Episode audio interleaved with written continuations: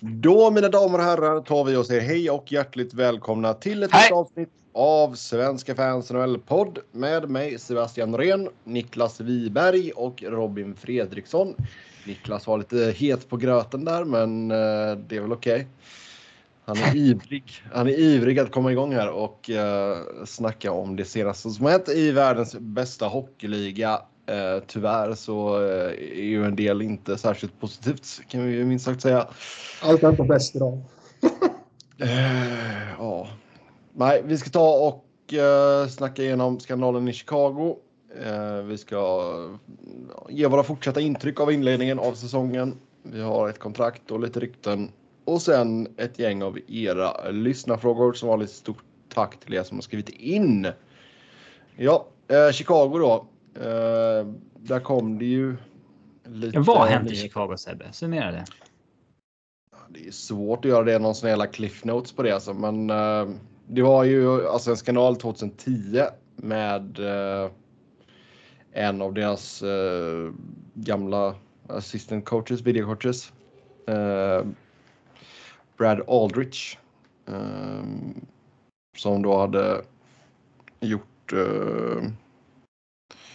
sig skyldig till, eh, ja, vad kallar man det? Sexuellt ofredande. Ja, Mm. sexuella övergrepp, sexuellt ofredande. Av eh, några före detta spelare då. Eh, och nu så det var en sån här independent eh, utredning här nu och efter det så eh, har Chicago bötfällt med 2 miljoner dollar och eh, Stan Bowman är borta som President of Hockey Operations och General Manager. Eh, han fick ju inte sparken. Han klev åt sidan eller vad det nu sidan så att Ja. säga. Eh, en inte helt obetydlig eh, skillnad. Så eh, Konstigt att Hawks går med på den benämningen. Alltså att de... eh, Jag Ja. förstår ju att eh, Bowman hellre ser den benämningen, men att Hawks går med på det. De borde ju vara ganska intresserade av att whitewasha sitt namn ganska rejält om man säger så. Ja, nej, men det har de ju visat de här dagarna att det är de absolut inte. Mm. Det är väl så. Eller de kanske är det, men de fattar inte hur de ska göra det. Nej. Nej, alltså Gary Bettman sa ju att bötfällningen var resultatet av att eh, man inte... Men ja, Ja, den här jävla bötfällningen. 2 Mm. miljoner dollar. Visst, 2 miljoner dollar är skitmycket pengar för eh, oss tre. Eh, kommer ni ihåg vad New Jersey fick böta när de signade Kowalczyk till ett icke tillåtet kontrakt? nej.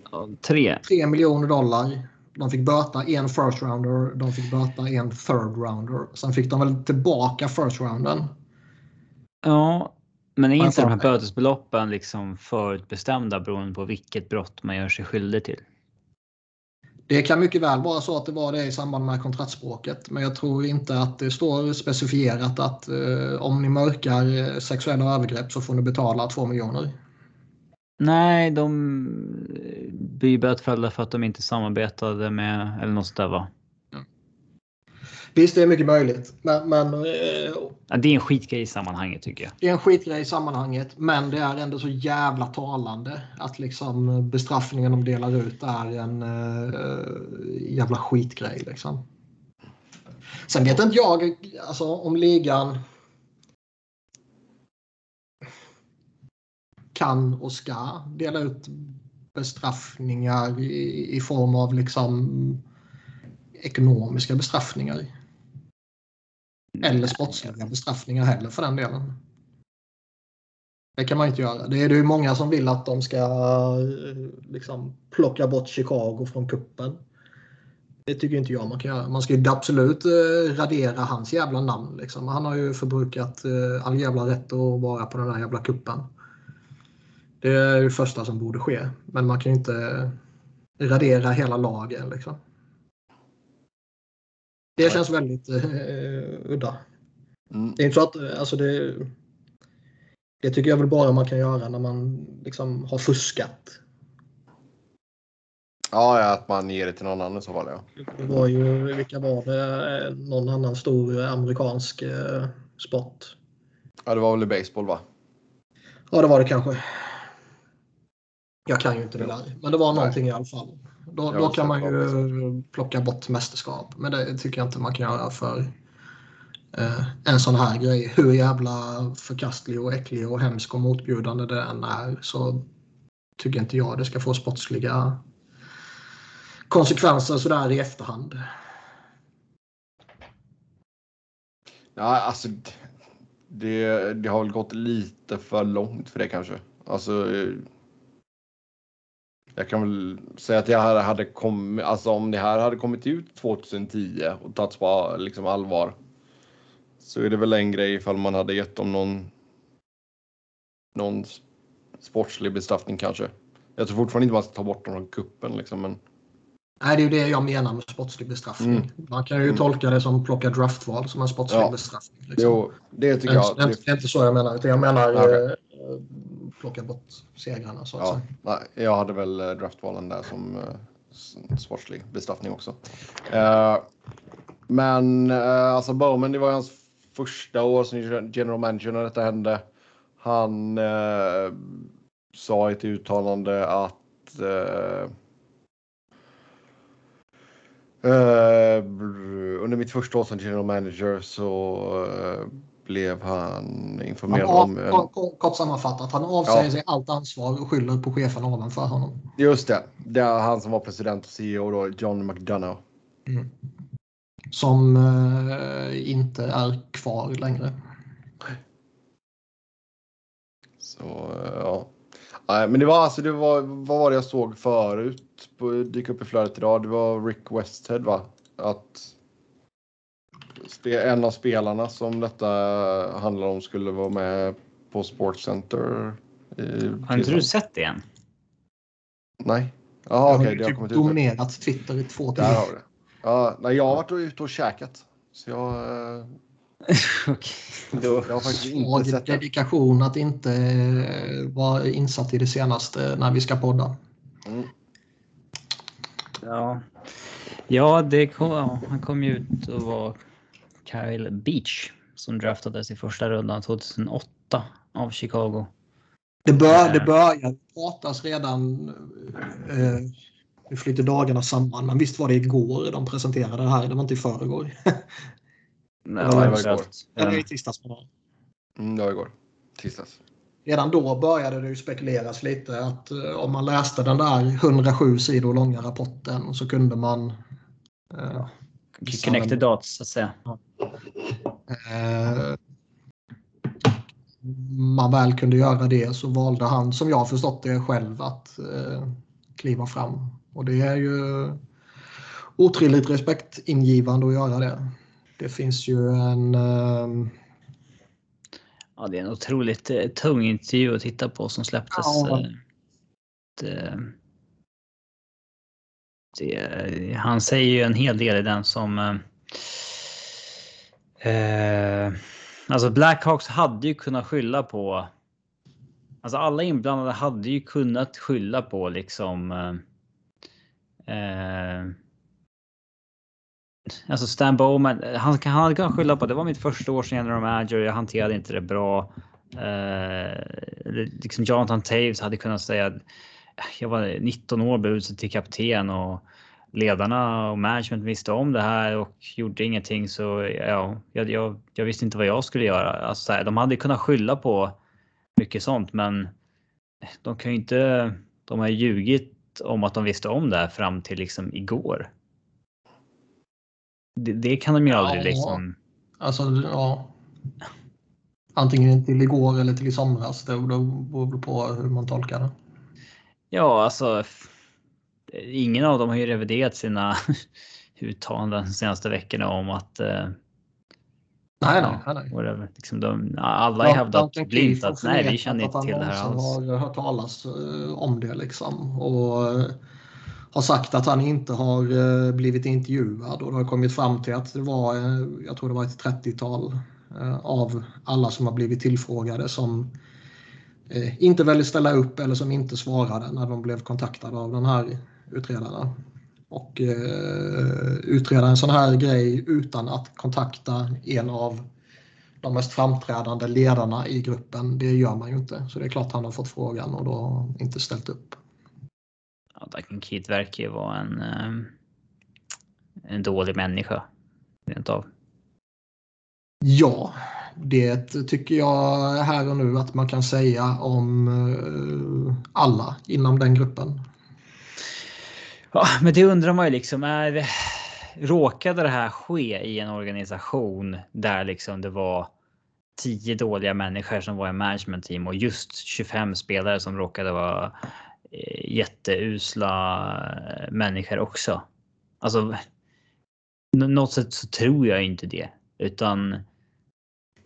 Eh, det tragiska är väl att det här hade väl. Eh, utvecklat sig och skett likadant oavsett vilken organisation det hade skett i för tio år sedan. Oavsett för det är samma människor i... Vilket, eh, år, ja.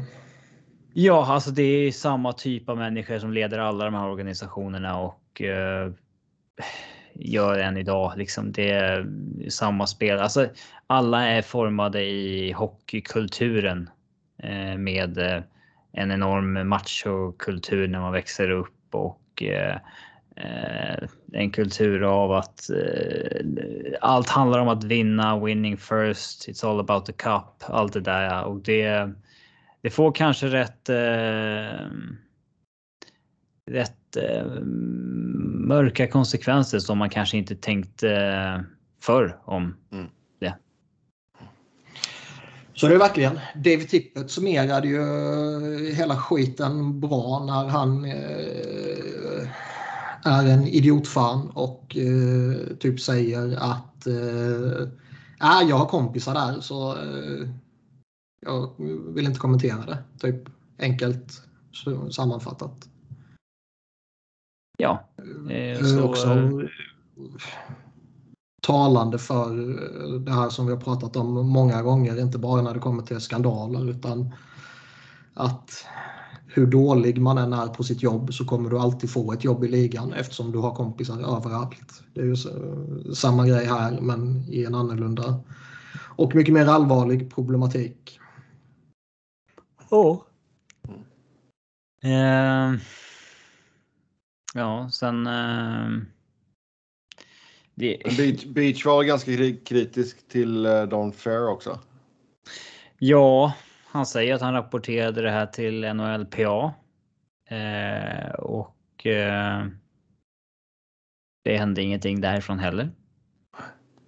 Eh, han rapporterade det inom Chicago Blackhawks och fick eh, bekräftelse på att det hade nått eh, högsta hönsen i organisationen och man kan ju inte säga att det inte, att det inte hände någonting för att de, red, de tog ju rätt på det på, på sitt sätt så att säga.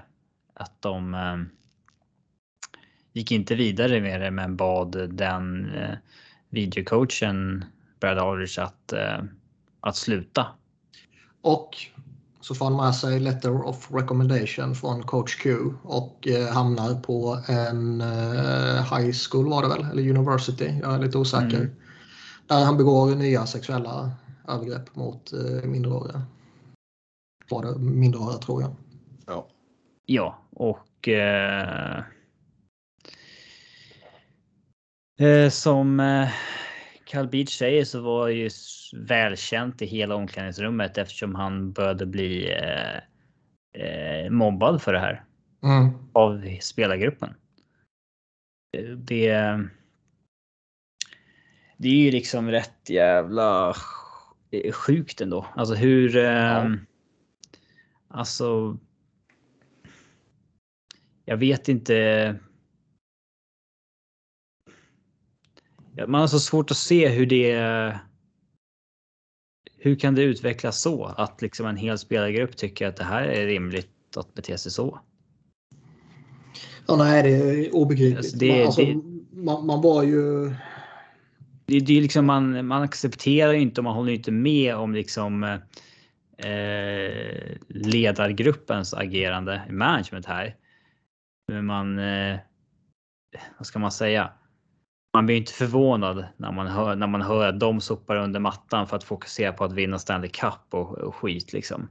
Eh, man blir äcklad men inte förvånad. Men vad spelargruppen har att vinna på att göra liksom en en rolig sak av det. Alltså det är ju väldigt. Nej, det är makabert fan. Det, Ja, det där är förstår man ingenting av vad som var.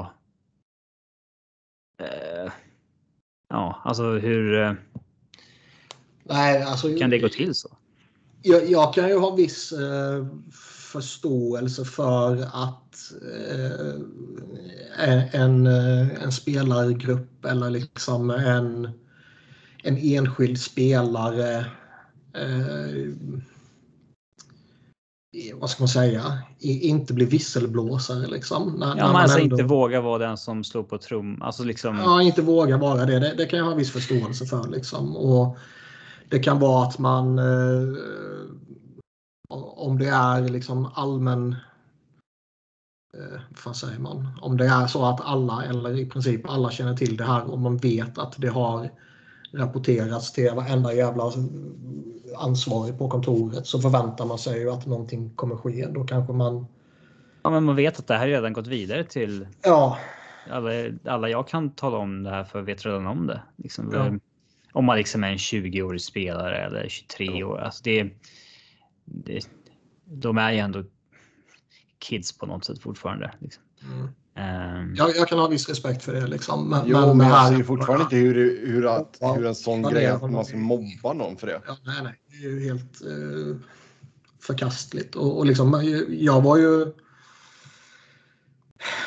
Eh, vad ska man säga? Jag var ju eh, inte en jättestor beundrare av Chicago innan allt det här briserade direkt. Det har varit mycket skit med den organisationen genom åren. Men det här är, man är så jävla äcklad av hela organisationen nu och det är så obeskrivligt. Så, alltså, ibland går det inte att sätta ord på, på hela situationen och allt man känner. Ja, och sen eh, alltså deras. Eh, alltså de släppte ju ett eh, statement idag nu som visar liksom att de har ju fortfarande inte hajat liksom att de. Nej, de snackar bara om att nu ska vi fortsätta försöka vinna.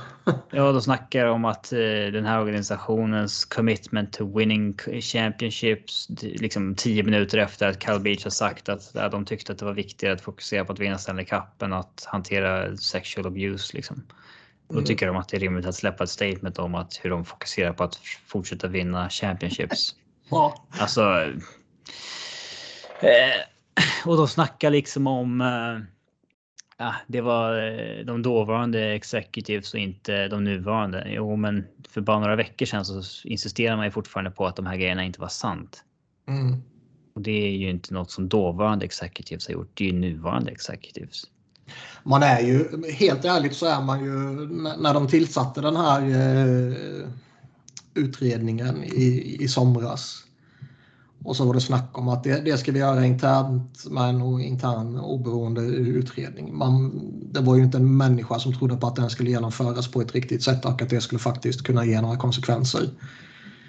Eh, jag hade inte förväntat mig en, en liten, liten procentuell del av allt det här ens. Liksom. Man hade bara förväntat sig att det, det skulle bara fortsätta sopas under soff, eh, soffan, under mattan säger man kanske. Och Ja. eh, fortsätta låtsas som ingenting. Så det var ju eh, rätt chockerande när, när det kom fram allt det här som kom fram under onsdagen. Men sen, Sen, nu sen är det ju fortfarande så Bowman, han, de kickar ju inte honom. Nej, även om han säger liksom om han går upp på kontoret och säger efter att den här rapporten har släppts att äh, jag måste ju sluta. Det fattar jag själv eh, och jag kommer step aside. Och, eh, så som organisation då hade man sagt att nej, det är viktigt för oss att visa att vi sparkar dig, liksom, Mm. inte att du kliver av. Ja. Har man någon jävla hyfs i sig så, eh, och uppfattning om vad som är rätt och fel så agerar man givetvis på det sättet som organisation. Sen ska man gå ihåg, det är ju inte liksom det är inte Bowman som har utfört det här utan det är ju den största boven är såklart Brad eh, Aldrich liksom. Men. Eh, jo, givetvis. Eh, det. Att. Ah, att hålla tyst om det när man liksom. Eh,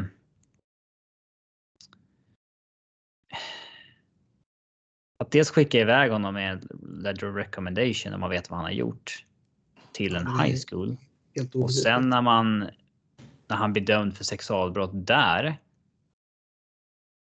Att då liksom fortsätta hålla tyst om det här för att. Ja. Man inte har någon civilkurage eller någonting. Jag vet inte. Ja, alltså det är. Det är fortfarande ingen som har. Det är fortfarande ingen som har erkänt någonting. Inte ens efter Kyle Beaches intervju eller eh, efter att rapporten kom ut. Utan det är bara varit tyst.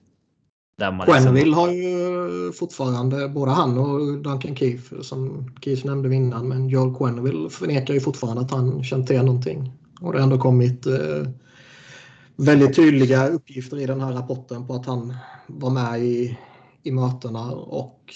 Eh, och när man diskuterar hur man skulle sopa det under mattan egentligen. Ja. Och eh, ja, nej det det är så jävla sjukt att han får stå i båset nu också.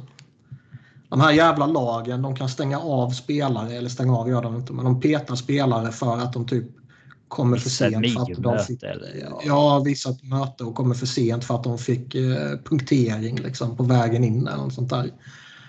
Men eh, den här jävla skiten kan de inte plocka bort en coach för. Sen är det ju rimligt, liksom, man, man, vet ju inte, både i Florida och Winnipegs fall så, så vet man ju inte hur hur, eh, om de har fått ta del eller på något sätt varit involverade i den här utredningen innan den presenterades. Så det är inte så att eh, de bara ska kunna agera på sekunden. De måste väl också sätta sig in i allting på, på sitt sätt. Men plocka bort coach Q så att han inte står och, och coachar en jävla match liksom i väntan på att han ska träffa Batman imorgon och i väntan på att man själv har undersökt. Det säger jävligt mycket om Florida som organisation också. Och ja, men det säger det, det som jag sa innan. Det är samma. Det är samma typ av executives i alla de här organisationerna. Ja. Det ju bara liksom en slump att det här skedde i Chicago än någon annan egentligen. Ja. Eh, det, ja. Det är otroligt mycket enklare också och eh, låta Bowman kliva åt sidan när Chicago har inlett som Chicago har inlett. Jaha, det är intressant om de hade inlett med 6-0. vinster. Som Florida har gjort 6-0-0 och eh, då visste man ju givetvis redan på förhand att det inte finns någon eh, eh, chans eller vad man ska säga att de kommer plocka bort honom. Ja, um, och sen så... Sen är det ju samma sak med Bowman, liksom att, att, han, eh, att han tillåts göra alla de här förändringarna han gjorde i somras när eh, han är under en sån utredning. Det är också mindboggling liksom. Ja, ja det, jag vet inte vad man skulle... Om man skulle haft någon interim GM som liksom Bowman pappet styrde. Jag vet inte om det hade varit bättre, men... Nej, men... Eh, jag menar när den här utredningen pågår så eh, jag finner det ändå som relativt osannolikt att Chicago inte är medvetna om vad det här ska mynna ut i. Och man hade ju varit med. konsekvenser det får. Man hade väl varit med när den här oberoende firman eh, var klar med rapporten och kallade till möte och sa ja, det här är det vi har hittat. Mm. Sida 1 pumpa igenom det här i tre timmar för hela Chicagos organisation. 107 sidor tar nog lite längre tid. Ja. Tre timmar. Men, ja. Eh, men, och sen, jag menar, det är så jäkla många hypocrites i det här. Alltså. Det finns liksom inte en chans att. Alltså, alla i management visste om det. Det vet vi om nu. Hela spelargruppen visste om det. Det, det, kan inte varit så att liksom inte en enda beatwriter runt Chicago visste om det. Inte en enda av de här insiderserna som vet allt som sker i varenda jävla organisation hela tiden. Eh, alltså, vad fan, Don Corsillo har ju sagt att eh, Flyers-spelarna hörde rykten om det när de mötte ja. Chicago i finalen. Ja, och liksom om, det sprider, om det sprider sig till, till motståndarna även om det kan finnas kompisrelationer på, på ett sätt som det inte finns gentemot media givetvis, så är det ju ändå väldigt osannolikt att eh, i alla fall viskningar och rykten om det här inte Ja, men man är väl rädd att bli av med sitt presslägg om man börjar gräva i någonting okänsligt. Och det är ju där, alltså det, det märker man ju. Det, det är ju jättemånga som är ute och, på Twitter nu och liksom av, av folk som faktiskt har någonting att säga till om rent medialt som twittrar väldigt vackert och eh, förmodligen inte kommer göra mer än så. Ja, alltså de största... Är som, som du nämnde tidigare på TSN där som eh, har varit drivande i det här och eh, Katie Strang, en annan som eh, är på The Athletic. Mm. Eh, en annan som är väldigt drivande i undersökande journalistik och, och grävande och sådär. De två är otroligt jävla viktiga när det kommer till den lilla NHL-bubblan. Ja, och när de började rapportera det här, då var det, det var ju som att eh, de största reportrarna inte heller ville att det skulle grävas i det här. Det var ju, alltså vi pratade om det då när, när det hände i somras att det, det var ju flera av de stora som de retweetade inte ens sina egna liksom, Det är liksom en megastory. Liksom, ja. Ja. Men de retweetar direkt om liksom en spelare i Toronto är uppsatt på waivers. Liksom, av, Ja. eh, ja. Det, det jävliga nu är ju att med två minuter kvar av första perioden så leder ju Chicago med 2-0 över Toronto. Mm. Hela Toronto-media är i Chicago förmodligen. Och eh, det är man väldigt vet- intressant efter matchen att höra vad som... Vad man som vet, vinner Chicago här eh, kommer ju väldigt mycket handla om Kyle Dubas efter matchen. För Toronto-media. Jag är helt övertygad om det. Eh, ja, kanske. Ja, Nej, det här är, jag ja, jag vet det är för stort tror jag. Ja, kanske. Eh, vi har fått en del lyssnarfrågor kring detta ämnet, uh, vilket är ganska förståeligt. Eh, Innan vi går in dit bara. ja. Vi ska säga också att eh, det är så jävla mycket kring det här så det är mycket möjligt att vi glömmer någonting självklart. ja, ja, herregud. Ja, det är, det är mycket som är eh, sagt om det här och alltså, Ja. jag man ska komma ihåg att eh, ja, eh,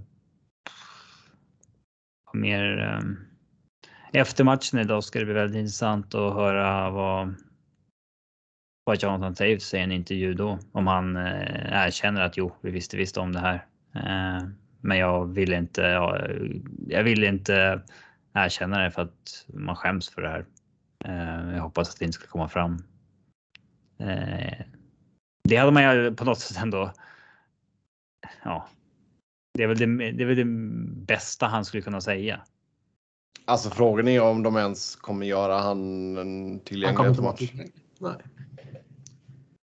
De säger att han ska vara det, men Ja. eh, de kan ju mycket väl hitta på någonting efteråt som Ja, eller så gör de honom tillgänglig och säger att eh, eh, vi kommer bara tillåta frågor som handlar om matchen. Ja. Eh, första frågan här då. Eh, varför är Blackhawks smuts och varför skiter eh, två frågor igen här. Och varför skiter Department of Player Safety fullständigt i allt som är kopplat till huvudskador? Våld mot huvudet är inte farligt enligt NHL. Alltså det. Det, Det är väl som vi har... det, fin- det, Jo, finns alltså, ingen, det finns ingen fakta som säger att våld mot huvudet är farligt, hävdar ju NHL. Eftersom det inte har gjorts tillräckligt många sådana här CTI-undersökningar på bortgångna NHL-spelare. Utan det har gjorts på andra idrotter. Men inte tillräckligt omfattande på hockeyspelare. Så därför är det inte fastslaget att våld mot huvudet är farligt. Punkt. Vem var det som skulle... Det var... Ja, men... Alltså för att hålla det någorlunda. Det var väl någon för detta spelare, eller var det nuvarande spelare till och med? Nej, för detta måste det varit. Före detta. sa- Garanterat. Om det, var, om det var något kritiskt så var det före detta. Nej, men som sa att de skulle liksom donera sin hjärna till eh, forskning efter de dör. Jaha, ja, men det är flera spelare som har börjat göra det nu. Eh, Kanske inte är aktiva fortfarande, men... eh, efter de har dött, alltså inte när de är aktiva. Utan, Men det kanske är ex-spelare. Eh, Är det Ja, kanske, exakt. kanske framförallt då de som har fått många smällar med huvudet. Ja. Ja. Eh, och jag menar liksom, ja, vi har gått igenom alltså Blackhawks. Det, det ja.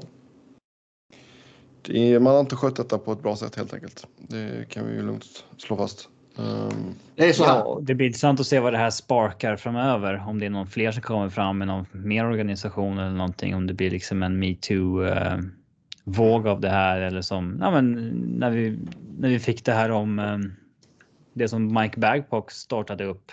Eh, Mm. Som blev eh, lite interrupted av covid. jo, exakt. Jo, jag, och jag menar all skit som från kanadensiska juniorligan och allt det där också liksom. Det, Ja, hockeykulturen formar usla människor kan man lugnt säga. Oh, ja. men jag menar det är ju någons, ja. Nej, fan. Ja, sen är det en tillfälle, ja, Taves är ju med i denna matchen mot Toronto, men är det en tillfällighet att Kane missar matchen eh, och undviker Toronto medias frågor om skandalen? Nej, alltså. Alltså, de, in- eh, jag inte tror inte med någon. vilken situation de är i sportsligt.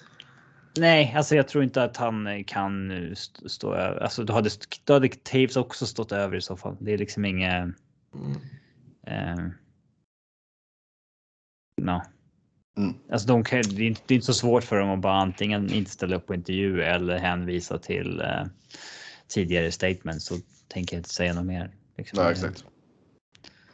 Eh, sen vilken klubb är dum nog att anställa Stan Bowman om några månader när allt är inom citationstecken glömt? Jag vet inte om det. eh, Kan det verkligen gå att göra det? Alltså det, det är ändå så Nej, pass. alltså måste la vara bränd. Alltså, men visst, Har Babcock inte fått ett jobb igen så. Alltså NHL-lag så att säga. Mm. Så det är klart han kommer hitta något jobb inom hockey igen, alltså något skitjobb någonstans eh, bara för att inte bli pensionär. Men. Eh, jag tror inte att han kommer bli ny GM för liksom Buffalo om en månad. Jag skulle i och för sig inte eh, bli förvånad vad som än sker. Men som ni säger där, man, man såg ju ändå på hur Babsan eh, har blivit persona non grata. Sen började väl kanske... Cancelled. Vad sa du? Cancelled. Ja, sen började väl... eh, Man får väl lite vibbar på att du vet, hans namn börjar bubbla upp lite här och där nu. Så. Ja, så är det ju. Det, Men liksom han, han, han, har ju, han har ju... Det är ändå skillnad på de här situationerna tycker jag.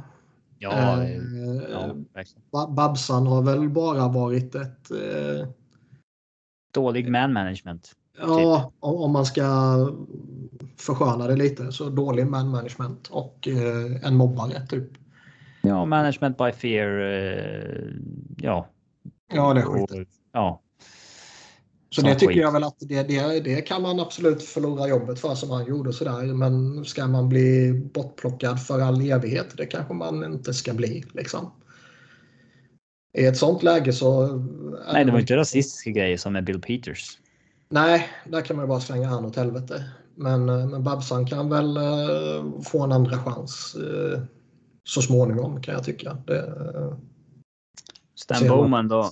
Kan man, kan, kan man han räddas av att ja, men det var hans första år som general manager och det här var ändå 11 år sedan? nej, o, oavsett om du är helt färsk som GM så är GM i en NHL-organisation en extremt... Eh, eh, vad säger man? Privilegierad person. Ja, och inflytelserik person. Ja. Eh, Även om eh, det givetvis är så att olika GMs har olika förutsättningar beroende på ja, vad man har gjort och vad man inte har gjort i, under sin karriär och, och vilket eh, lag man är i. Så, och sådär. Så det finns ju vissa GMs som har eh, helt fria händer att göra vad de vill. David Poyle, typ. Eh, skulle jag gissa i alla fall. Och sen finns det nog andra som eh, måste rapportera väldigt mycket till sin närmsta chef och uppåt. Liksom. Jo, men alltså om det är så då att han Ja. tog det vidare till uh, McDonough eh, och sen märker att det inte händer någonting, då får han ju fan pusha på där eller? Ja, det kan man ändå göra som GM och vi ska inte glömma vilket jävla efternamn han har. Mm. Helvete vilka trådar han kan dra i tack vare Mm. det efternamnet. Ja. Annars säger Ja. jag till pappa-grejen. Liksom det, Mm. eh, men... Han eh, kan ju alltså, inte, alltså, du kan ju inte ha ett bättre efternamn eh, om, om man bara tänker eh, management. Nej. Nej, så är det väl. Men tror vi att... Eh, vad tror vi sker med Bergevin, Cheval Day off? Ja. och, alltså deras Alltså, framtid. Quen, Quen, Han- Quen, ja. Under den här, eh, det här mötet som det hade, liksom så mycket har eh, refererats till när de kom fram till att det här ska vi så upp under mattan. Nu ska vi försöka vinna kuppen. Och det mötet ska ju ha skett några timmar innan de säkrade finalplatsen 2010. Eh, Bergevin ska ju inte ha varit med på det mötet. Nej, visst nämndes inte han på the list så att säga. Så det är, jag finner det fortfarande väldigt osannolikt att han inte kände till det. Så, Eh. vad, vad har ni möte om då? Ja. Liksom. Nej, men alltså han, eh, han var Director of Player Personnel. Alltså han, Ja. kanske inte, han kanske inte ens var i stan den dagen. Liksom. Nej, Eh, hade rännskit eller någonting. Hände? Alltså det, det kan ja, det kan, en jävla alltså, han- tur. Bergevin. Ja. Han kanske inte... inte... Så han, han kan väl absolut... Eh, alltså, Var Cheval Day off på den listan? Chevaldeja får vara där. Han ska ha möte på måndag va? Med Bettman. Vad kommer det här mötet bestå av? Undrar Och ju. Quenville ska ha möte i, på fredag va? Eller var det på torsdag? Alltså vad, vad det ska... Jag vet inte. Bettman vill väl eh, höra vad de säger. Och eh, givetvis är det så att både Quenville och Chevaldeja ska plockas bort. Har man varit så här involverad i en sån här eh, hemsk jävla grej och eh, varit drivande bakom mörkläggningen. Då har man förbrukat all jävla rätt att någonsin vara i den här jävla ligan igen. Ja, för man ska komma ihåg det. Det var inte bara det att de sopade det under mattan för att inte ha en distraktion under slutspelet, utan de tog ju inte tag i det efter slutspelet heller. Nej. Det första hade ju varit illa nog, men det, Mm. var- det räckte ju inte där utan. Sen skickade jag iväg en sån kille. Till att jobba på en high school där han, alltså de är liksom, de blir direkt ansvariga. Ja, det är ju att- fan snudd på vara medbrottslingar. Kanske inte Ja. i dagens mening, men i alla fall moraliskt. Ja, eh, så att eh, där. Eh, ja. Där eh, bör de eh, tvingas få konsekvenser. Mm. Eh, Eh, sen kanske måste frågade. upprätta någon form av eh, persona non grata lista. De här människorna får inte jobba i en NHL-organisation igen. Eh, och eh, någon form av hall of shame så att säga. Eh, Alltså, ja, det borde man fan sätta upp. Alltså, vi, eh, vi gjorde ju på sajten för... fan kan det vara? Det var nog 6-7 år sedan nu. Gjorde vi ju en, en Hall of Fame. Där vi utsåg vår egen Hall of Fame. Eh, i NHL. Med lite, eh, vi tog fram alternativ så fick läsarna rösta och sådär. Liksom. Ja, man borde fan plocka fram en, en Hall of Shame. Um, sen är det någon som frågar då ifall man borde ta kupper ifrån dem. Där är vi väl alla eniga om nej. nej, Ehm. det, det var ju fortfarande de som vann. Det går inte att ändra på. Liksom. Men alla de som har den. Eh, sitt namn på den. Eh, alltså den kuppen är ju tainted. Det går inte att komma ifrån. Eh, Oh ja. Alla det som. Den spelargruppen, den managementgruppen. Det är svårt att vara stolt att vara en del av den när det här har kommit fram, utan det är ju snarare så att Hela skämmas för att vara Bowmans- med av, av den. Ja, hela Bowmans legacy, hela Quenvilles legacy och deras legacies är ju enorma i modern tid. Mm. Ska ju brännas ner till grunden. Ja. Quenneville är liksom eh, allmänt erkänd som en av de absolut bästa coacherna. Bowman som en av de absolut bästa GMs i definitivt mod- i modern tid och man, man kan väl absolut sätta in det i, ett, i en historisk kontext också. Eh, Men det ska ju, om man bara pratar sportsligt då, men det, allt det är ju eh, som bortblåst nu. Han blev, han blev ju bortplockad från eh, Team Ja. USA också. Ja, han skulle ha general manager i OS där. ja. Och ersatt, de, de plockar bort en, en snubbe som är påkommen för att ha eh, sopat sexuella övergrepp under mattan och så ersätter de honom med en snubbe som är eh, Under eller som undersöks, är under utredning för att ha sopat sexuella övergrepp under mattan i Bill Garin som gjorde, eh, eller då anklagas för att ha gjort det när han eh, bossade över Penguins AHL-lag. Ja. Den utredningen blev han ju eh, clearad för. Han blev clearad för den av samma Nu. grupp som vägrade Ja, söka när Kyle Beach eh, uppmärksammade dem på den här situationen. Så US den, Safe eh, Sport. De eh, värderar jag inte särskilt högt. Nej, deras förtroende blir ganska förbrukat eh, när de här storierna länkas ihop så att säga. Sen eh, vad den gett Chicago för böter. Två millar känns sådär. Ja, det var vi inne på också. redan. Alltså böter, jag ja. Och, och, om, om, om man bara kan ge ut ett fritt bötesbelopp. Alltså det går ju inte att säga vad som är rimligt och inte rimligt. Nej, hur, hur mäter man det här i pengar liksom? Fem rimligt är, är liksom 50 rimligt. Det, det är ju... Ja, det kan, det kan inte jag göra. Men när man sätter det i en kontext som vi gjorde tidigare med Ilja Kowalczyk och, och lite sånt där annat så blir det ju smått patetiskt. Ja. Ja, det är lite som det här med. Ja, när eh, PK Subban får en böter för sin tripping och det är 5000 dollar för det maximum allowed under CBA. Mm. Det, ja, samtidigt som du kan få hund- hundra, flera hundratusen dollar för en tackling. Alltså det. För att du ger upp lön så att säga. Det, det blir. Ja, de där grejerna är ju avtalsstyrda och eh, framstår väl rätt skeva i sammanhanget. Men det, det är väl liksom eh, protokoll som följs bara så att säga. Ja. Vi ska inte glömma att säga det också att det är ju faktiskt två spelare. Nej, ja just det. det Men rätt den ena vill eh, inte, vad säger man, eh, vara en del Vara av den här Offentlig. processen. Nej, jag tror, jag tror inte han är med i liksom, jag vet inte vad det är, stämning det korrekta ordet, jag vet inte riktigt. Ja. Eller rättegång Ja. eller vad man säger, eller anklagelse. Sådär. Ja. Ja. Det är väl någon lawsuit va? Ändå, som de kallar det. Lite osäker, det är så jävla krångliga ord som används. Men, men eh, det är faktiskt två spelare det rör sig om och det är ju en eh, intern var det väl.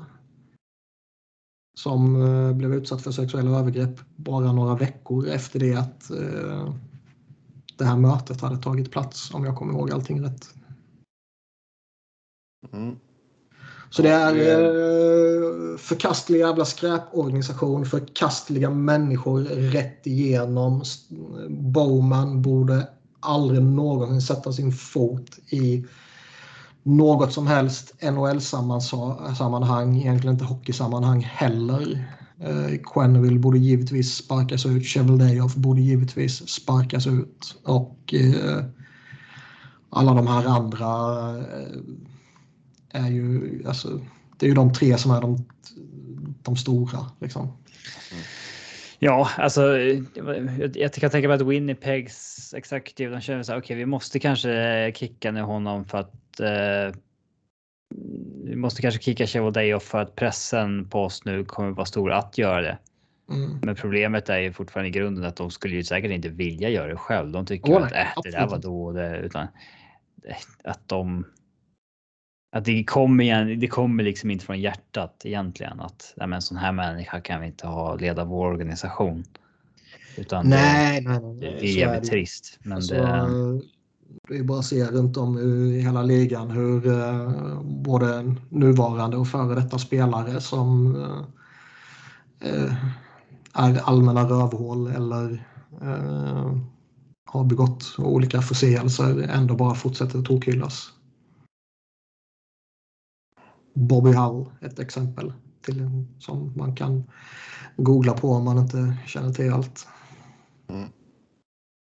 Ja, eh, det finns ju ingen bra segway från ett sånt här ämne, men eh, vi tar och går vidare och eh, Får jag säga en sista sak? ja, gör så. Jag tycker att eh, Simpa skrev en bra text om Florida och Quenneville på sajten som man eh, bör gå in och läsa. Yes. Om han kan eh, fortsätta i Florida och hur Florida resonerar. Och eh, ja, in och läs den. Den är bra. Yes, eh, vi flyttar fokus till det som sker på isen då och eh, mer intryck härifrån de inledande veckorna. Eh, det är kul att se Alexander Ovechkin i fin form. När vi spelar in detta har han gjort mål nummer åtta för säsongen. ja.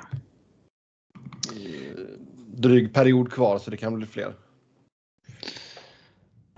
Vi pratade ju innan vi började spela in här lite kort om honom bara vilken otrolig jävla bedrift det ändå är att han typ aldrig har varit skadad. Mm. Eh, alltså, han, har missat, han missade tio matcher förra året eller om det var för förra, jag kommer inte ihåg exakt. Och sen missade han något liknande för eller två, tre år in i sin karriär. Annars har han alltid spelat nästan en hel säsong eller en hel säsong. Missat enstaka matcher bara. Det fanns smått otroligt med tanke på han var ju ändå en, en wrecking ball under i alla fall inledningen av sin karriär. Kan, Ja, kanske- första decenniet i alla fall. ja, första tio åren, det kanske är lite överdrivet, men säg sju, åtta åren i alla fall. Det är svårt att komma ihåg exakt, men, men något sånt. Då hade han en skoningslös eh, spelstil, både mot motståndarna och mot sig själv. Där är han ju inte längre. Innan var han ju en, en riktig jävla powerforward som gjorde allting utan att slåss i princip. Eh, nu är han ju inte den spelaren längre. Men eh, att ändå ha hållit ihop så som han har gjort, det är fan sjukt. Ja. Alltså som vi sa där innan också då liksom det. Ta, alltså hade vi inte haft lockouterna där heller så. Ja, nej, det är lockouter och det är eh, ett par covid-säsonger där det har tappats eh, några matcher och lite sådär och helt plötsligt så är det ju rätt många mål han har tappat. Mm. Nej, så det är kul att se honom få en bra säsongsstart. Uh, nu också medan vi spelar in detta så de lagen som är fortsatt obesegrade, Carolina, Florida, uh, de leder just nu. Uh, St. Louis och Edmonton. Så Ja. en i vardera division. Eh, Washington har inte förlorat på, eh, under ordinarie tid kan vi väl tillägga också. Det är liksom fortfarande, fan sånt här är så jävla irrelevant liksom. För det är ju, vinner Carolina fem raka i december så det är liksom ingen som reagerar nämnvärt på det. Lag utan, lag utan seger, Arizona, Chicago. That's it. Chicago, Chicago. nu leder de ju idag mot Toronto, men innan dess har de väl inte ens haft ledningen i någon match. Nej, jag tänkte säga det också. 360 minuter, strax över det, gick de senaste siffran jag läste i alla fall. Eh, ut under inledningen då, det var väl de första matcherna där liksom, där de inte hade haft ledningen. Och ett nytt NHL-rekord tydligen. Grattis Chicago. Mm. Ja, det, ja, det förtjänar de verkligen. Men det är ju ändå eh, no- nog för att det kan ta lite tid innan allting sätter sig när man gör så pass stora förändringar som, som Chicago gjorde i, i somras och som ja, Mitt Flyers har gjort också för den delen och, och, och andra lag också. När man tar in, som i Chicagos fall, en ny första målvakt och vad var det, två stycken eh, namnstarka backar till exempel och eh, några, några nya forwards. Lite sådär. Det är ändå en, en hel del nytt som har trillat in. Det tar ju tid innan det sätter sig, men det här är eh, anmärkningsvärt dåligt. Mm. Men med tanke på vad som kom fram i, igår här så undrar man ju hur mycket som har påverkat Chicago. Ja. Jag gått det, lite... alltså det måste ja. jag ju snackat jättemycket om det här. Alltså när undersökningen genomförs och allt sånt. Alltså folk måste ju prata med varandra. Ja. Liksom, Jaha, pratade du med dem idag? Ja, ja vad kommer, bla bla bla liksom. Det, alltså, det måste vara en jävla distraherande grej ändå. Mm. Oh ja. Oavsett om du var med 2010 eller inte. Jo, det är helt sant. Uh, det är spännande med Toronto. De är jag tänkte säga det. Uh, panikknappen där, är det dags att trycka på den snart eller? Det var lite det jag eh, syftade på när, när vi pratade det här att Toronto Media är i Chicago och eh, om Chicago vinner så kommer Toronto Media eventuellt lägga fokus på Kyle Dubas eh, framtid eller Sheldon Keeps eller vad det nu skulle vara. Eh, Keefe ryker väl före Dubas eller? Har ni sett eh, förresten eh, eh, vad fan heter jag, jag har inte kollat på serien, nej. Nej, vad, vad fan heter den? uh, ska vi se, vänta. Uh, All or Nothing heter den ju. Ja. Det blev ingenting för Toronto. Nej, jag vet inte. Jag vet inte vad... Vart den går att se. Alltså, Amazon, man... Amazon Prime. Ja, men finns det ens i Sverige? Ja. ja, det är klart. Det finns också alternativa sätt. Finns det fortfarande alternativa sätt att se sånt där? ja. Men, men eh, de där All or Nothing är ju speciella för eh, klubbarna har ju vetorätt och styr ju innehållet liksom. Så det kommer inte vara något, något kontroversiellt eller något spännande och allt sånt där. Och, och, det var ju några enstaka situationer som var lite, lite spännande att se och sådär. Och framförallt var det ju roligt att titta på eftersom man vet hur, hur de kraschade ut mot slutet.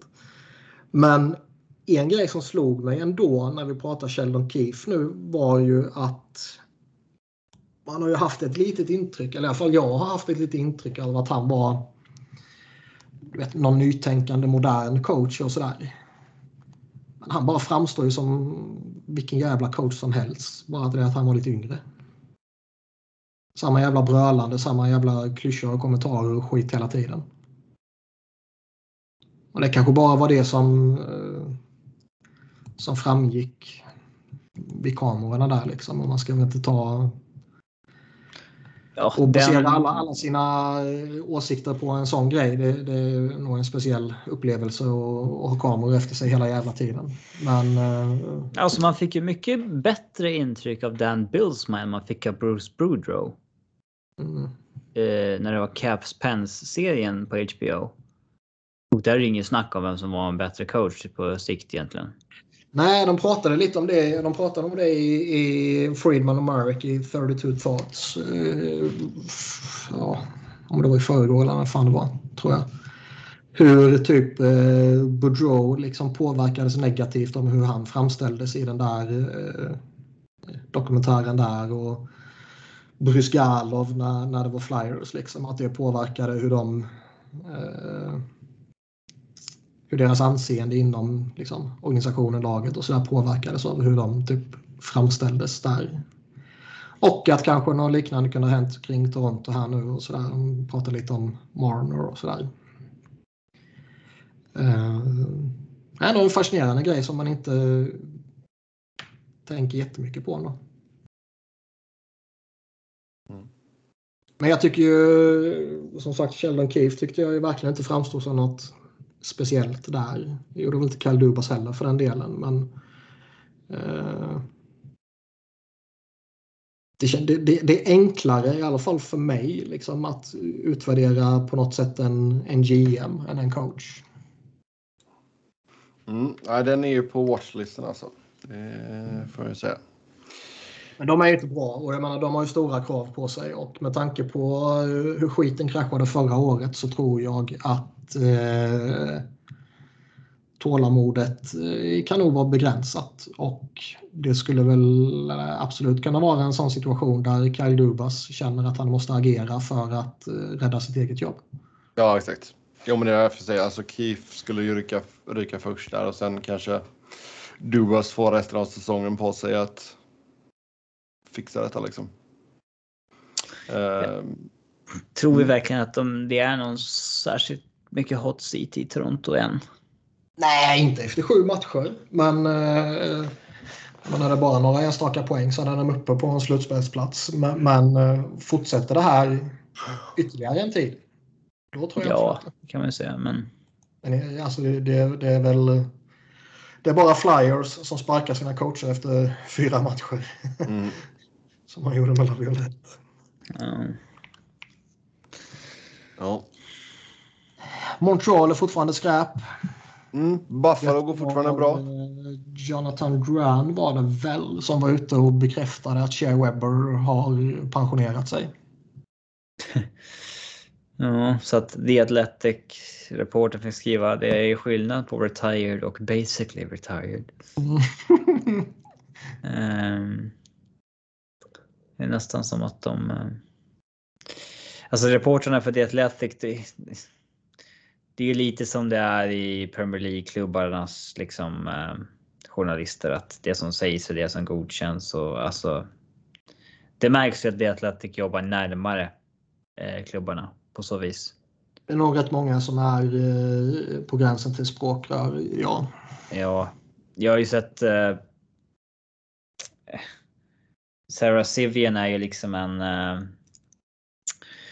hon är ju en eh, rolig person att följa och så vidare. Men eh, det var någon gång i somras hon gjorde sig så här. Eh, ja, typ så här, innan ni betvivlar den här rapporten så det här är vad Carolina Hurricanes säger till mig. Som att så här, det här är the ultimate truth. Mm. Det är så här, men ja. Så är det är inte så journalistik ska bedrivas. Nej, sen finns det ju givetvis ett värde att kommunicera ut det som klubbarna säger. Det måste man kunna göra. Men, eh, ja, men om... Eh, ja. Det, det, men det har vi pratat om tidigare, både i detta avsnittet och många gånger i tidigare avsnitt. Just det här att eh, det är så pass många som är så pass beroende av Access att man inte vågar kritisera eller undersöka. Typ. Ja. Eh, sen är nog fortfarande NHL till exempel med tanke på att de är en av alltså den, den minsta av de fyra stora ligorna så är NHL nog fortfarande väldigt beroende av att media är eh, inkluderade. Alltså få komma ner i omklädningsrum i vanliga fall och, och få access till spelarna hela tiden och sånt där. Eh, en, monstermaskin som NFL kan göra vad fan de vill och ändå veta att eh, alla kommer rapportera och titta på dem och så vidare. Riktigt mm. där är inte NHL.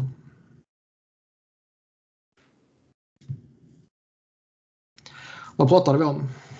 Jag tänkte kolla lite snabbt här. Just det, Buffalo nämnde du. Ja, det går fortsatt eh, ganska bra där. Då.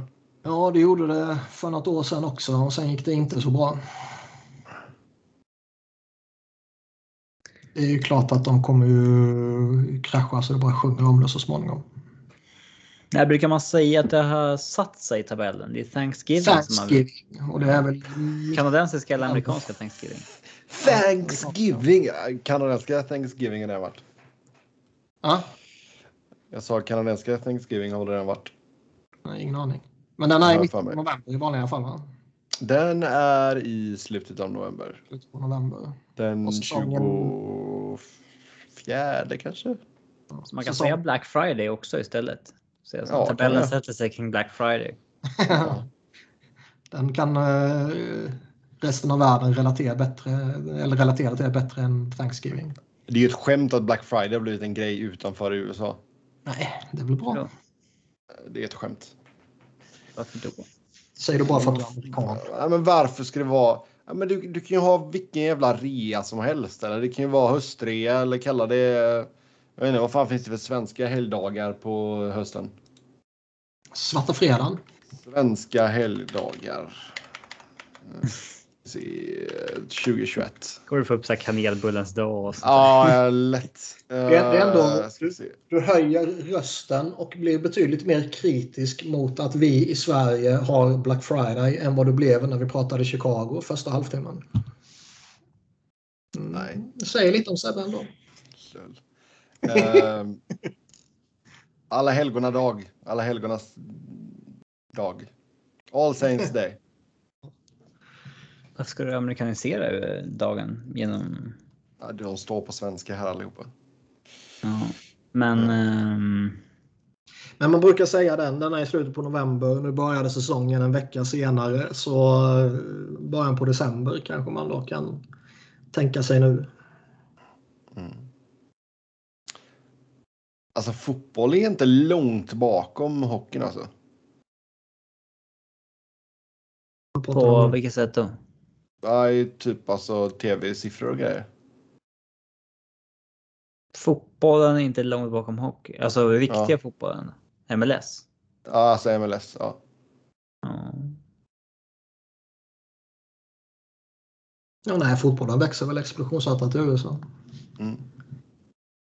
Eller framförallt gör den väl det bland eh, unga utövare så att säga. Och då är det väl Oh, ja. rimligt Ja, ja. att det ger en effekt på hur många som följer idrotten också. Det finns ju hur många Håller ni på någon lag i MLS? Alltså jag följde ju Galaxy när Beckham var där. Gud vad töntigt. Min, min åsikt är så här. Man får, ha, man får ha två favoritlag i en sport. Man får ha, Vilken tur att du har just två då. Mm, Mm. man, man får ha ett, eh, ett inhemskt. Och sen, eller kanske tre. eh, Beroende på lite var man bor och sådär så kanske man kan få två inhemska. Man kan ju ha sin lilla lokala. Du sen kan man ha sin stora lokala. Och sen så kan man ha en riktig klubb i Sverige också. Ja, man skulle kunna så. Och sen får man ha en internationell klubb. Jag, jag, det, det, är- det är så som, som jag ser på det. Jag begriper inte sådana som Sebbe som har typ 17 favoritlag. Vilka håller du på alla länder Sebbe? I England är det United. England United. Tyskland Spanien. är det, är det Hamburg. Inget lag i Spanien. Jo, någonting. Nej, nej. Tyskland. Ja, Hamburg. Frankrike. PSG. Inget. Inget. Du var ju, du var ju så jävla PSG-runkande när Zlatan var där. Nej. Alltså jag gillar att följa Zlatan liksom. Det har jag gjort. Absolut. Italien. Men eh, Inte. inte. Mm. Just det. Det Zlatan Det är, nej, det är faktiskt en gammalt. Det är en av de... Ja. Jag hade en affisch uppe på pojkrummet. Då var fortfarande Paul Ince där. Jävlar vad gammal du är du alltså. tack, tack, tack. Ja. Ja. Ja. En av få spelare som spelat i både Liverpool och Manchester United. Mm. Eh, och sen är alltså tjocke Ronaldo är en av mina favoritspelare genom alla tiderna. Ja. Ehm, Så ja. Alltså lag som jag, som jag liksom tittar på och verkligen liksom bryr mig om. Det, ja, det är Blåvitt, United, Hamburg. Fast det har ju varit en... han, du kan ju inte säga det. Alltså, det, det har verkligen varit en jävla mardrömsresa liksom. Ehm, Och då, hur Och mycket sen- följer du Hamburg menar du? ganska bra alltså. Det, det, det går ju fan på tv här, Zweite Bundesliga. Jag, tror, jag tror faktiskt det är så här att du, du har... eh, Kolla du- två 3-0 matcher om dagen. Följer Inter, Blåvitt, Hamburg och Manchester United. Typ åtta matcher på en lördag. Mm. Jag tror faktiskt så att du, har lurat Familjetid folk, på eh, söndagar mellan klockan två och tre. Låtsas att du följer Hamburg när du egentligen åker till Hamburg för att gå på reeperbahn. Nej, jag gick inte på. Men Jag var där med När du lillebrorsan. något annat ställe.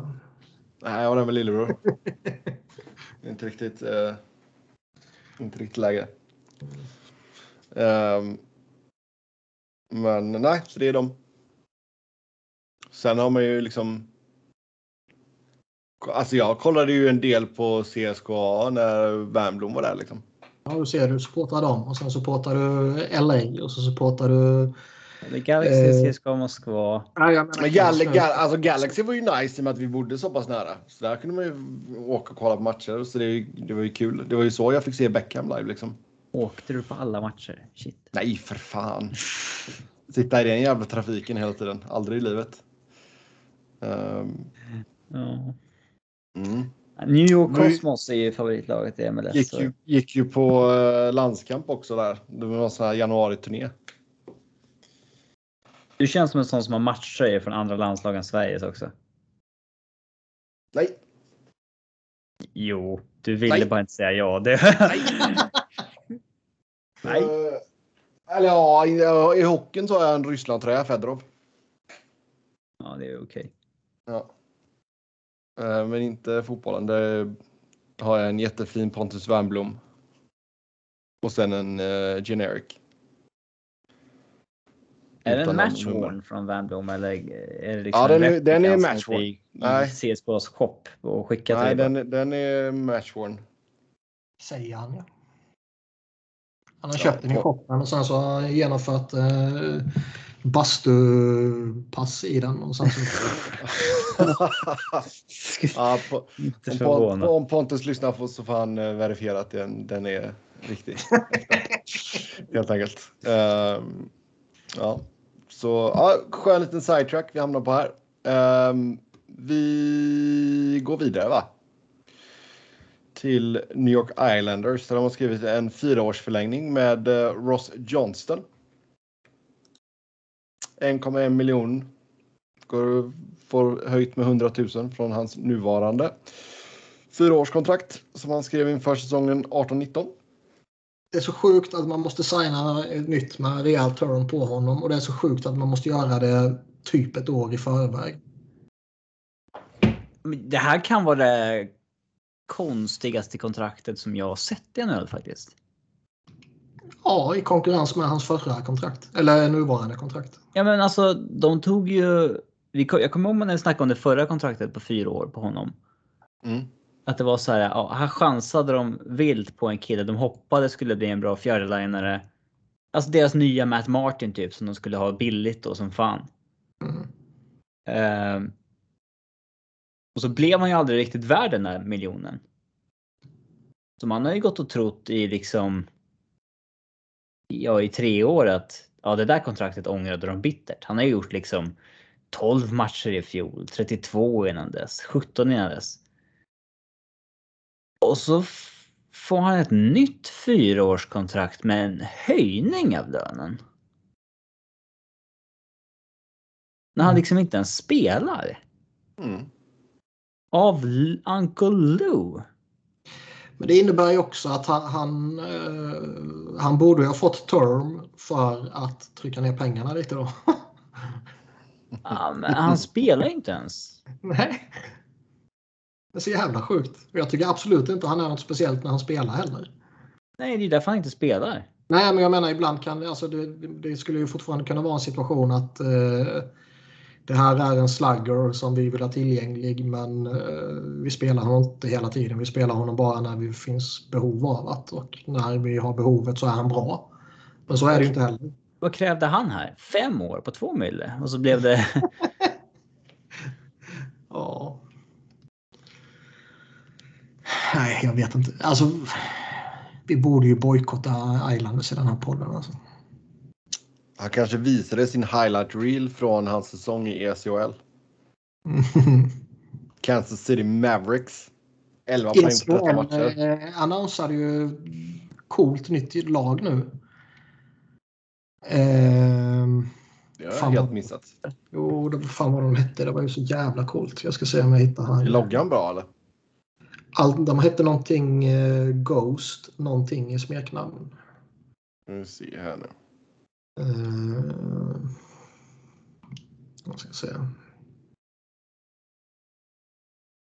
Alltså nyligen, nyligen. Ja, idag. idag? Please welcome the Savannah Ghost Pirates. The ECHL in eh, 2022. En, eh, en logga som är ett spöke med piratmössa på sig. Ja, där ser jag nu. Ja, oh jävlar. Och de färgerna också. Otroligt jävla coolt rakt igenom. Mitt, Oj, eh, oj, mitt oj. nya ECHL-favoritlag. Ja, Eftersom vi slog fast i podden tidigare att man får ha flera lag. ja. Jag skulle försöka pallra mig till någon Cincinnati Cyclones match denna säsongen i alla fall. Ja, men Det är 2022 när de kommer på besök kanske. Savannah Ghost Pirates alltså. Ja. Vad har vi för lag här nu egentligen? Nu får vi ta och titta här. Nej, det är. Jo, det Nej. får vi göra lite snabbt. Nej, det inte Swamp intressant. Rabbits är ju bra. Nej, sånt där är inte intressant. Swamp Rabbits eh, vinner. Får jag nog säga ändå. Allen Americans. Fan vad tråkigt. Vi, Ja. klipper Ja. Eh, sen så sägs det att eh, om vi går till ryktesvägen här. Vegas sägs gå efter Jack Eichel. Det hade väl varit en bra fit med tanke på Vegas centerfråga. Eller? Ja, men man ser ju inte hur något lag ska ha utrymme med för honom rent ekonomiskt. Alltså situationen som kan uppstå är ju att eh, han long term injured reservas fram till dag ett på slutspelet. Mm. Alltså Nikita Kucherov behandlingen och då kan ju alla lag ta in honom, alltså om det är så. Och med tanke på att tiden bara går och går och går och det ändå kommer krävas eh, eh, operation eller vad man nu vill göra och återhämtning och så vidare så kan man säkert lösa det på det sättet. Det är väl enda sättet Vegas kan lösa det denna säsongen. Så får de ju försöka skaka fram utrymme nästa år. Ja, exakt. De Jo, ju men sen de, alltså, Det kan de. jo, men alltså, och sen de kommer ju behöva skicka någonting tillbaka, alltså rent lönemässigt också liksom. Det, Då har jag varit tydliga med att de inte kommer att retaina. Och det tycker jag väl... Eh, Ja, det måste man ju stå fast vid. Man kan ju inte... Mm. Är man inte på ett sånt stort och så långt kontrakt. Ja, och inte bara som stjärnspelare. Det, Behövas. det det är inte skillnaden mellan att om man retainar. Det det är skillnad om man kunde retaina bara första säsongen. För att Oh ja. göra honom liksom tradebar under året. Mm. Men det kan man ju inte. Kommer i, i nästa CBA. ja. Däremot så måste de ju... Eller måste ska man inte säga. Det beror ju såklart på eh, många faktorer. De, de kanske behöver pengar för att ta sig över golvet. Jag vet inte hur de ligger till där. Men det är säkert eh, några lag som eh, vill dumpa över lite lön på dem. Om inte annat så eh, ja, långsiktigt. ja. Och det verkar de ju vara redo att göra. Men om ni ska få eh, tänka lite fritt här nu och snickra ihop ett paket från Vegas till Buffalo. Alltså det som är så konstigt, de har ju, det har ju tidigare rapporterats att Peyton Krebs och... Vem fan var det mer? Creeps. Eh, jag kommer inte ihåg vem det var, men någon annan ung av deras talanger. Att ja, Vegas inte kommer släppa dem för Eichel. Vilket också är, alltså, Någonting måste man ju släppa. Liksom. Det, något måste man släppa. Och jag tycker, alltså man hör ju det jätteofta när det börjar komma lite sådana här trade-rykten att eh, men det här laget vill inte släppa den här talangen. Och har man en eh, har man en liksom Conor McDavid eller Matthews eller du vet, någon sån här liknande som ännu inte kommit in i NHL eller precis bara börjat sniffa på NHL och inte exploderat ännu. Mm. Då är det väl rimligt att man inte vill släppa den spelaren givetvis. Men bara någon random dude liksom. Fan obegripligt. Det finns ingenting som värderas så mycket som eh, second rounders och eller övervärderas så mycket som second rounders och eh, prospects när det kommer till eh, eh, trade-värde. Liksom. Nej. Mm. Nej, alltså Peyton Creeps i all ära, men Ja, nej, man har ju svårt att snickra ihop ett, ett paket som känns rimligt faktiskt. Det ska ju vara Peyton Creeps och två förstahundsval som någon form av grund kanske. Ja, och någon... Eh, Till prospect. också. Ja, på hög nivå. Ja. Peyton Creeps. Det låter fortfarande som någon form av könssjukdom. Alltså det, jag vet inte om man tänker på crabs liksom som är Ja. flatlös på svenska. Men creeps. Men det är, det är det jag tänker när jag hör hans namn i alla fall. Mm. Ja, sen ska priset för Vitali Kravtsov vara en topp-prospect. Ja. Och vem är Kraftsov Sebbe? Det måste du berätta för lyssnarna. Vem Vitali är? Ja. Ja, det är ju New York Rangers. Ytterforward. Ja. Ja. Och han väntas vara på väg därifrån menar du? ja, vi pratade om det i förra avsnittet. Ja, jag vet. Men Ja, du kan inte utgå från att lyssnarna vet vem eh, den där jävla Mm. nobodyn är. okej. Oj. Oh, Ouch. ingen nobody, det ska man fan veta. Oj. Ah, Så han slänger shade på Vitali Jurjevich Kravtsov alltså. Okej. Fick in hans mellannamn där. Mm. Mm. Född dagen innan julafton 1999. I Vladivostok. Det är sexigt. Mm. Vad heter hans eh, moderklubb? Eh, det är det Tjelabinsk Polar Bears. Nej. Nej. Då vet jag inte. Eh, jag vet, men jag kommer inte uttala. Nej. Ja, jag får ta dunka Men alltså, det är, ja, jag, jag, eh, vi pratade lite om det förra veckan och han var ju jävligt hypad när han draftades där eh, 2018. Men du vet, det är, 2018 är ju, det är ju en, en livstid sen. Traktor Tjeljabinsk. Det var inte så farligt. Nej, det är inte hans eh, moderklubb. Jaha, Youth Team. Mm. Uh, Belje Medvedi Tjelabinsk. Mm. Men han är ju som sagt, allt som hände inom pandemin är ju en livstid sen. Mm. Och jag har absolut inte någon, någon jättekoll på honom sen dess utöver att som jag sa förra veckan, jag har för mig det var mycket snack när han var ung i KHL där och, och jätteung och gjorde jättefina siffror och det var bland de bästa någonsin för den unga åldern. Men eh, det är ju ändå en spelare jag skulle definitivt testa och få ge en andra chans. Men ska man ge upp en top prospect för det så är ju det där en luddig definitionsfråga. Alltså vad är en top prospect? Ja du. Sen är det väl rimligt att Rangers sätter ett, eh, en hög prislapp på honom. Man vill, vill väl ha det bästa som möjligt såklart. Men jag vet inte om det finns så jättemycket nytt att säga om den situationen. Det var mer att eh, det har inte hänt så mycket övrigt på trade eller kontraktsmarknaden eller ryktesmarknaden. Så. Nej. Sidospår igen. Ehm, jag kollade in Cincinnati Cyclones uh, roster här nu. Då är det alltså en japan. dela med dig. Ja, en japan här vid Yosh- Yoshiro Hirano. Som tydligen har lirat i Tingsryd 14-15 och Kalmar 17-18. Som nu spelar för Cyclones. Jaha. Den du! Ja. Ja, intressant. Kalmar kan vara en rätt trevlig stad men Tingsryd är en jävla skithåla. Ja. Ehm, så det var det. Ehm, har ni någon tävling förberedd? Nej.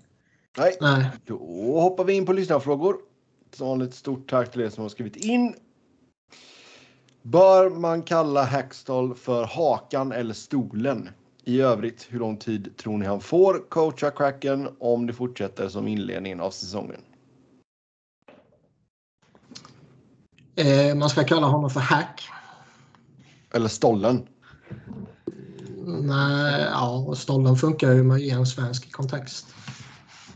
Men eh, på engelska så är det ju hack. Ja, men det är ju som Tortorella och tårtan liksom. Ja, Jag fick aldrig sagt det till honom. Nej, liksom... Hello, Sweden, tårta. we have this you word for tårta. I mean cake, and that is tårta. Uh, and therefore you are tårta with us, uh, Swedish reporters. Ja. Me and Per. Bjurman. You are the cake. The cake. Ja, Men alltså det, jag tror det kommer nog krävas att de kraschar fullkomligt för att han ska få kicken under säsongen. ja, ja herregud. Eh, ja. Visst, de hade ju haft en rätt skakig inledning sådär, men eh, man, måste ju, även om jag tycker mycket illa om honom och eh, givetvis skulle finna det mycket glädje när man får kicken direkt så måste man ju få mer i tid. Ja, alltså även om de alltså... För första året, med tanke på vilket jävla skitlag de plockade ihop. Men det kanske de inte tycker att de har gjort det i och för sig. Så. Jag menar även om de hamnar sist och har en vinstprocent på runt 40 liksom eller strax under. Så nej, han, det kommer nog krävas något eh, extraordinärt i negativ bemärkelse. Hur är eh, förresten eh, läget i LA? Vi har ju två stora skador här som nyligen har kommunicerats ut med Nikita Kucherov i Tampa och Drew Dowdy i LA som båda blir borta typ två-ish månader. Ja, alltså Doughty är ju riktigt jävla tungt för Kings. Det, Ja. Visste du om att det här han- med Doughty Sebbe? Din middag Ja, ju det- mi- det visste jag om. Där har där, där, den, den snappade jag upp. Um, nej, och sen även Sean Walker är ju borta för säsongen. Walker Ehm. kan du dra upp i sammanhanget. Fan. Eh, Alltså i, om vi snackar Kings så jo, det är väl klart kan jag göra det. Ja, Du- visst. Det är ju två, två ordinarie backar som går bort liksom. Ehm, men det är klart att det är Doughty som är den absolut mest kännbara där. Nu ser ju... Ja, det ser ju inte jättebra ut på backsidan här nu. Det... Det är lite intressant. Nu, nu verkar det väl som att han kommer komma tillbaka i god tid inför eh, OS och hela det där köret. Men han har ju Mm. pratat tidigare om att eh, det som motiverar honom under LAs rebuild är liksom att eh, det kommer ett OS snart. Då, där ska jag spela och vinna en ny OS-medalj. Liksom. Ja. Eh, så för hans skull så är det väl tur att han rimligtvis kommer tillbaka i god tid om den här tidslinjen håller. Jo, exakt. Nej, så vi får se där, men... ehm, nej, det är ett tungt tapp, absolut. Tampa är Eh, intressant däremot.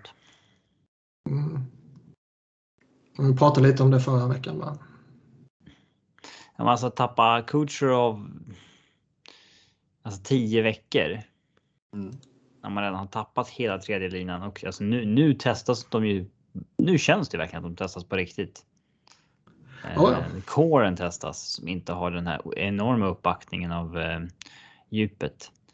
Eh, det var ju lite samma sak i Chicago för 7-8 år sedan när kåren skulle testas utan det fantastiska djupet när Taves och Kane och eh, Seabrook och så vidare hade fått sina nya stora kontrakt. Och där funkade det inte så bra. Får se hur, hur det funkar i Tampa. Mm. Mm. Ja. Uh, ska vi se. Jag blev distraherad här. Mikael Hubinett skrev in på Twitter att det finns bara en japan som är värd att nämna i NHL-sammanhang och det var Tauro Chuimoto. Så jag fick läst, läst om den storyn. Mm. Buffalo Sabres eh, general manager George Punch in Black. Alltså ha punch som ditt smeknamn. Smeknamn. Ja, George Punch Imlach. Um, visst. Han ville driva lite med NHL. Och Vad var så- ditt smeknamn Sebbe, när du växte upp? Det var mycket mitt efternamn för det var ju många, många fler än jag som hette Sebastian. Ja. Norre Eh. sa vi också. Eller de Norén? Ja, norren, Snorren. Sebbe, Sebban. Bass, Det det Basse sattes aldrig så det var tur det i alla fall. Det vore kul om du hette S Norén på Twitter så att det vart liksom Snorren Ja, snarare än att det är Seb Noren. ja. Skulle Så Snorren är det- istället. Mm, Ja, med, med ett R såklart så att det ser seriöst ut fortfarande. Men ja. roligt för oss svenskar. ja, exakt. Jag vet inte om det, det finns säkert någon som har ett Snorren. Um, Ska vi kolla. jag tänkte säga det kanske inte är jätte... Frå- Fråga om Sebbe får köpa hans konto. Ja, tvek. tvek. Um, ja. Uh, ska vi se, vad har vi mer Tagen av här? någon Sören Tell. Ja, Man har bara en Sören följare. Ja. Uh, ska vi se här. Vem skulle kunna bli nästa Marchand, alltså en explosion efter man har fyllt 30? Ja, det är intressant. Det är ju väldigt svårt att förutse det. ja. Mm. För det finns ju många som har varit det som Marchand var innan han var 30. Den här stökiga. Stökiga 60 poängs wingern som eh, man tror ska tackla av efter säkert 30 snarare än växla upp. Mm.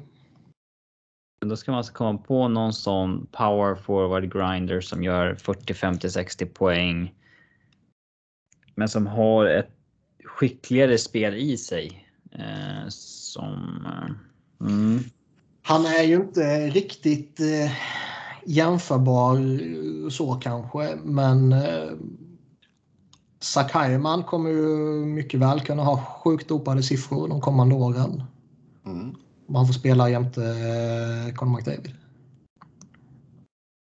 Ja, så är det väl. Men det är fan rätt unikt det Marchand har gjort alltså. Ja. ja. Det får man säga. ja. Yes, sen... Hitta på mer. Ja, fan alltså. Jag vet inte. Mm. Alltså man kan ju Eh. slänga ur sig massa, alltså här, slänga ur sig Tyler Bertuzzi men fan han kan ju lika gärna eh, på waivers han är 30. Jag är inte alls övertygad liksom. Det, vi, får se. Eh, Det finns ju Mm. många. Mm. Ja. Eh, ja, vi snackade ju lite om Tampa innan, men eh, Tampa får stryk av Buffalo med 5-1. Vad fan är det som händer? Det som händer i hockey. Vad fan är det som händer? Matchen efter går man och slår eh, Pittsburgh med 5-1. Ja, men det är Ja, vi har ju alltså, det vi är, har fan, alltså, eh, alla slår alla. helvete vad man ändå borde ha bettat allt man äger och har på att Pittsburgh skulle vinna mot Toronto.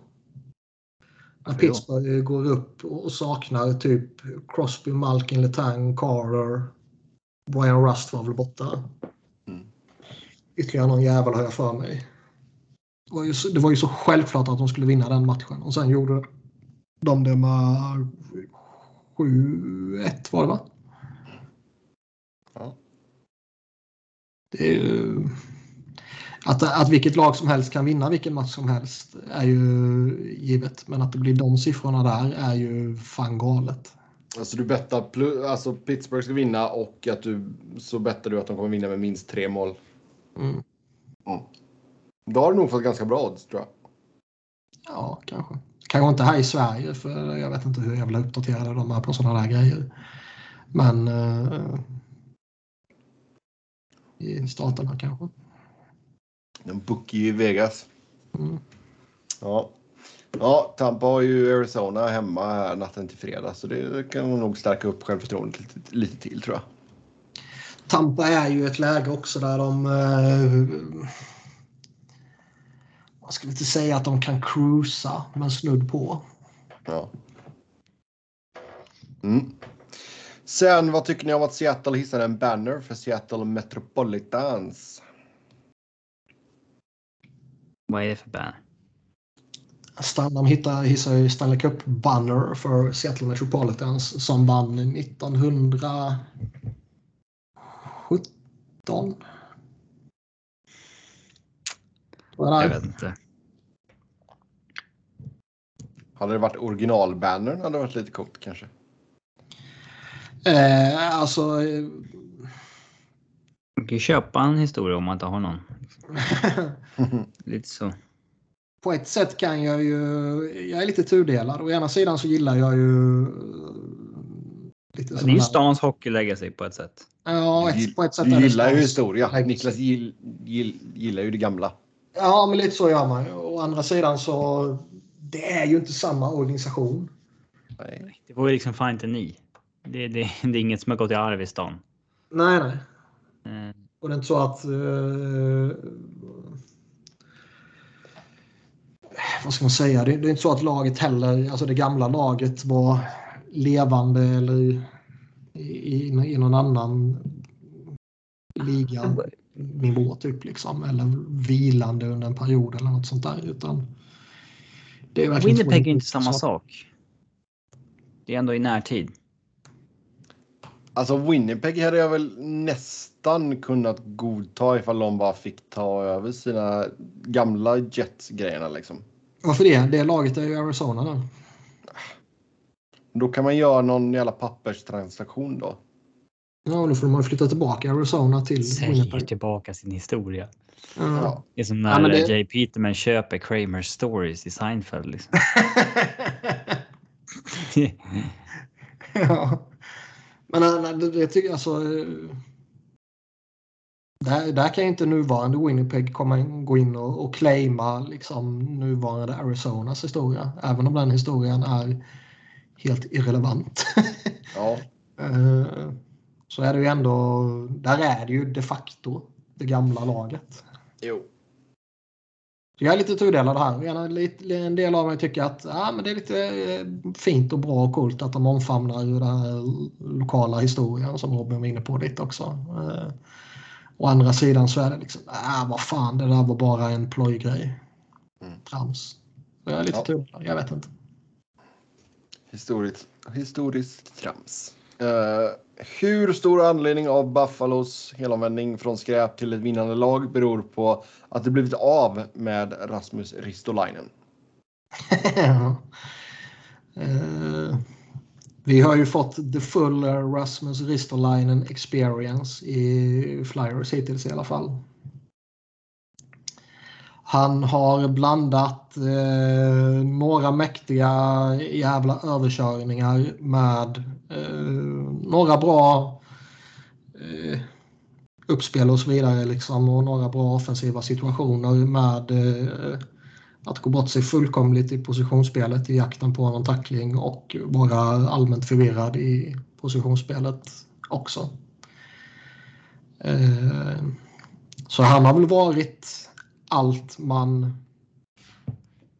eh, förväntade sig. Sen har han inte varit dålig liksom. Men, men det har ändå varit eh, högt och lågt. Det har bara varit två matcher. Men eh, man är ju lite eh, man är lite skeptisk till eh, backparet med Ristolainen och, och Sandheim. Sandheim har varit sämre än Ristolainen under inledningen och han var inte bra förra året. Det är lite, lite oroväckande. Det känns som ett par som i- ja, vad ska man säga? Ingen lyfter varandra direkt. Nej, de, liksom, de, de highlightar den andras svaghet. typ. Men sen samtidigt så är det ju om, om man tror att Ristolainen är den backen som old school-gubbarna tror så är det ju ett par som borde komplettera varandra.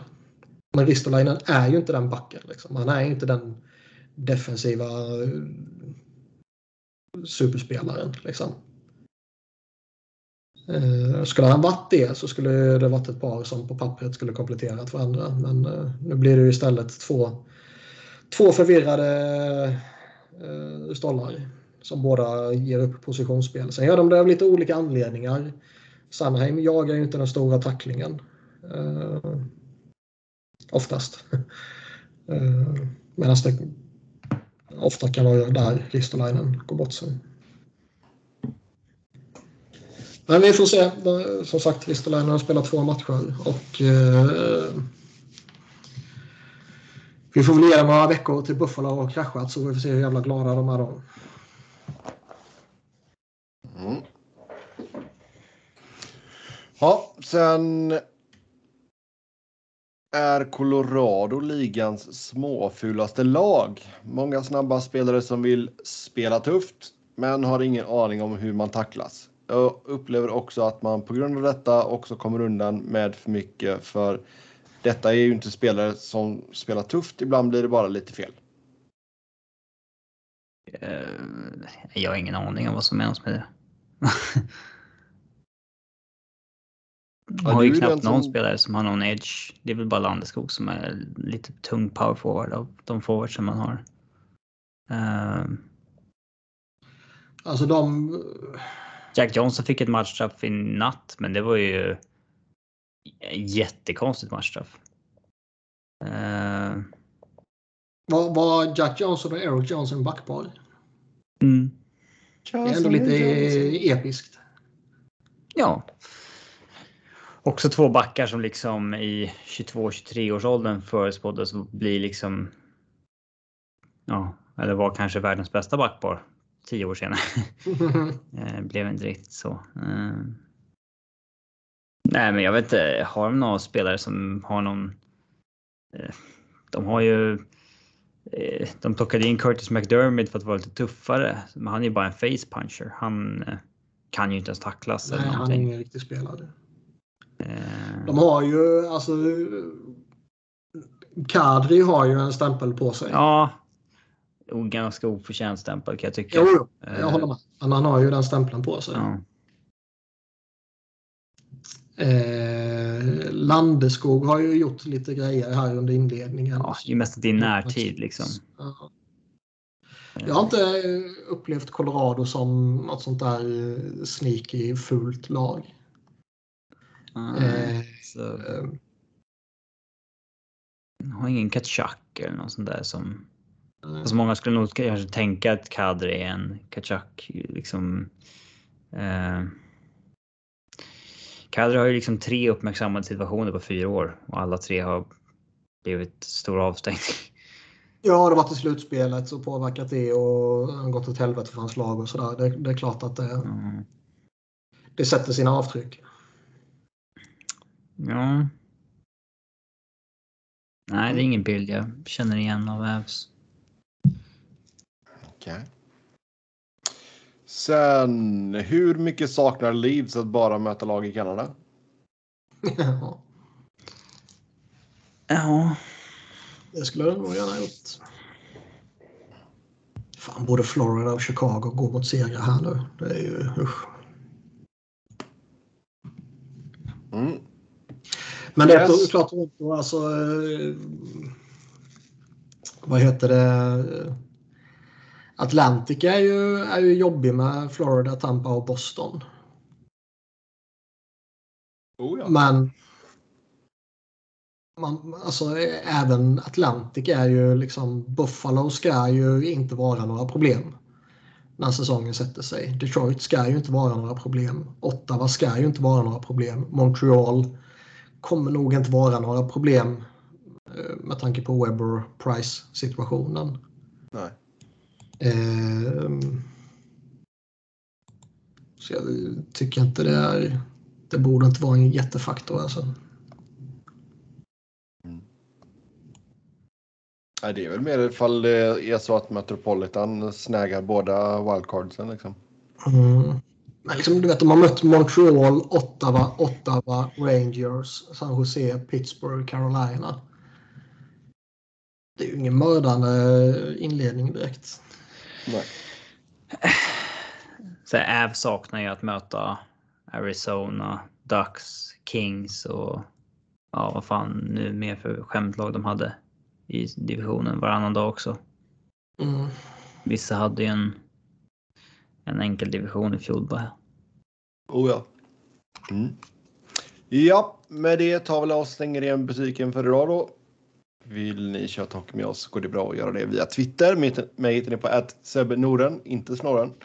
Uh, Niklas hittar ni på att Niklas Wiberg, Niklas med C, Wiberg med enkel V, Robin på R underscore Fredriksson. Podden på SV Fans NHL podd, podd med ett D. Tills nästa gång, ha det gött. Hej!